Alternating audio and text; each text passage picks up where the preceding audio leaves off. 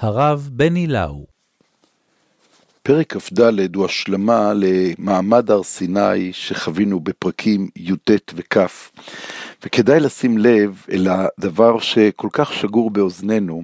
אני אגיד את הפסוק כבר עכשיו ואחרי זה נחזור אליו. כל אשר דיבר השם נעשה, או כל אשר דיבר השם נעשה ונשמע. בתמצית של הפסוק הזה, בהבדל בין נעשה לנעשה לנשמע, אני מבקש להתמקד בהבדל של בין פרק י"ט לבין כ"ד. בפרק י"ט, כשמשה עולה פעם ראשונה אל האלוהים בסיוון, עולה והשם אומר לו, פעם אחת ראיתם, אתם ראיתם אותי, ועתה אם שמוע תשמעו בקולי ושמרתם את בריתי, אתם תהיו לי ממלכת כהנים וגוי קדוש.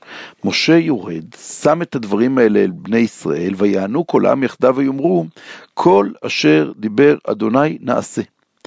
כל אשר דיבר השם נעשה.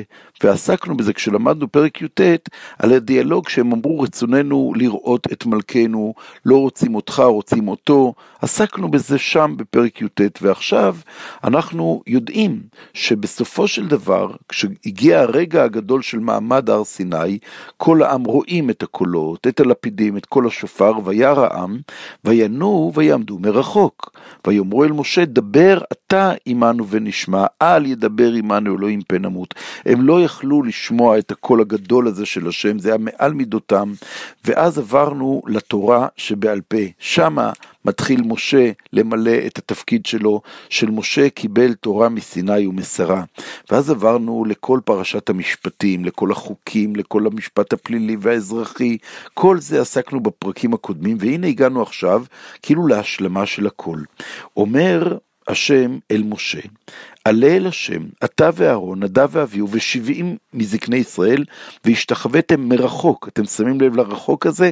עצרנו במעמד הר סיני, שכל העם עומדים מרחוק, ומשה ניגש אל הערפל אשר שם האלוהים. והנה כאן, וניגש משה לבדו אל השם, הם לא ייגשו, העם לא יעלו. משה עולה, ואז הוא כותב את דברי הברית, את כל דברי השם. וישכם בבוקר, ויבן מזבח תחת ההר, והוא עושה ברית. הוא לוקח חצי דם, שם בגנות, אני לא נכנס עכשיו לתיאור של איך כורתים ברית, אבל יש פה ממש מעשה של ברית, ושם, בתוך מעמד הברית, ויקרא באוזני העם, ויאמרו כל אשר דיבר אדוני נעשה ונשמע. הנה החידוש הגדול. כשהיינו שם בחלק הראשון של המעמד, היינו בבהלה, היינו ביראה, עמדנו מרחוק, אנחנו שם אמרנו כל אשר דיבר השם נעשה. אנחנו לא הבנו עד העומק את התפקיד של האוזן, של השמיעה, אבל עכשיו, אחרי שנבהלנו ואחרי שאמרנו דבר אתה עמנו ונשמע, אל ידבר עמנו אלוהים פנמות, עכשיו אתה אומר לנו את כל הדברים, אנחנו שומעים מפיך את דברי הברית, אתה כתבת על ספר את דברי השם, ועכשיו אנחנו אומרים, כל אשר דיבר השם נעשה ונשמע. זאתי כבר ברית הרבה הרבה יותר גבוהה. הברית הזאת היא בעצם השלמה של מה שהקדוש ברוך הוא הזמין אותנו מלכתחילה, אם שמוע תשמעו בקולי, ושמרתם את בריתי והייתם לי סגולה מכל העמים. הייתם בחוויה של ראייה, עדיין לא שמעתם. הייתם ברגע אחד של שמיעה וברחתם, כל העם רואים את הקולות ויעמדו מרחוק. עכשיו אנחנו צריכים לעלות קומה. והקומה ידבר, אתה משה עמנו ונשמעה, אל ידבר עמנו אלוהים פן נמות. והנה זה קורה. משה עומד, עולה להר, יורד ולוקח את ספר הברית, ויקרא באוזני העם. הרגע הזה שהוא כמעט מתחמק לנו מהעיניים, את הרגע של ויקרא באוזני העם.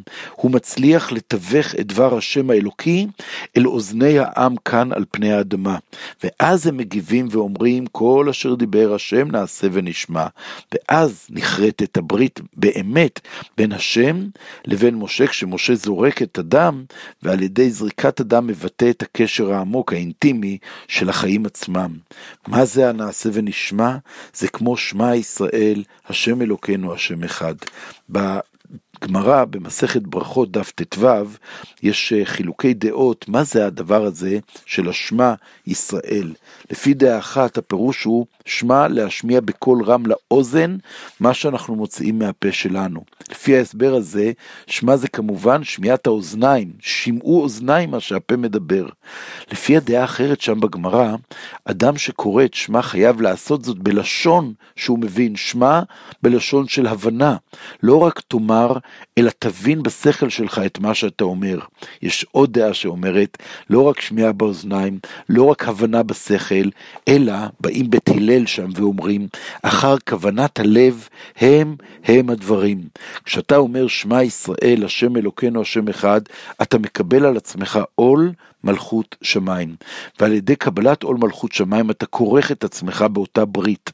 ברית שאומרת עם מחובר לאלוהים בעולם של הבנה, בעולם של הקשבה ובעולם של כוונה. הדבר הזה של גם הקשבה וגם הבנה וגם כוונה, זה התמצית של שמע ישראל, השם אלוקינו, השם אחד.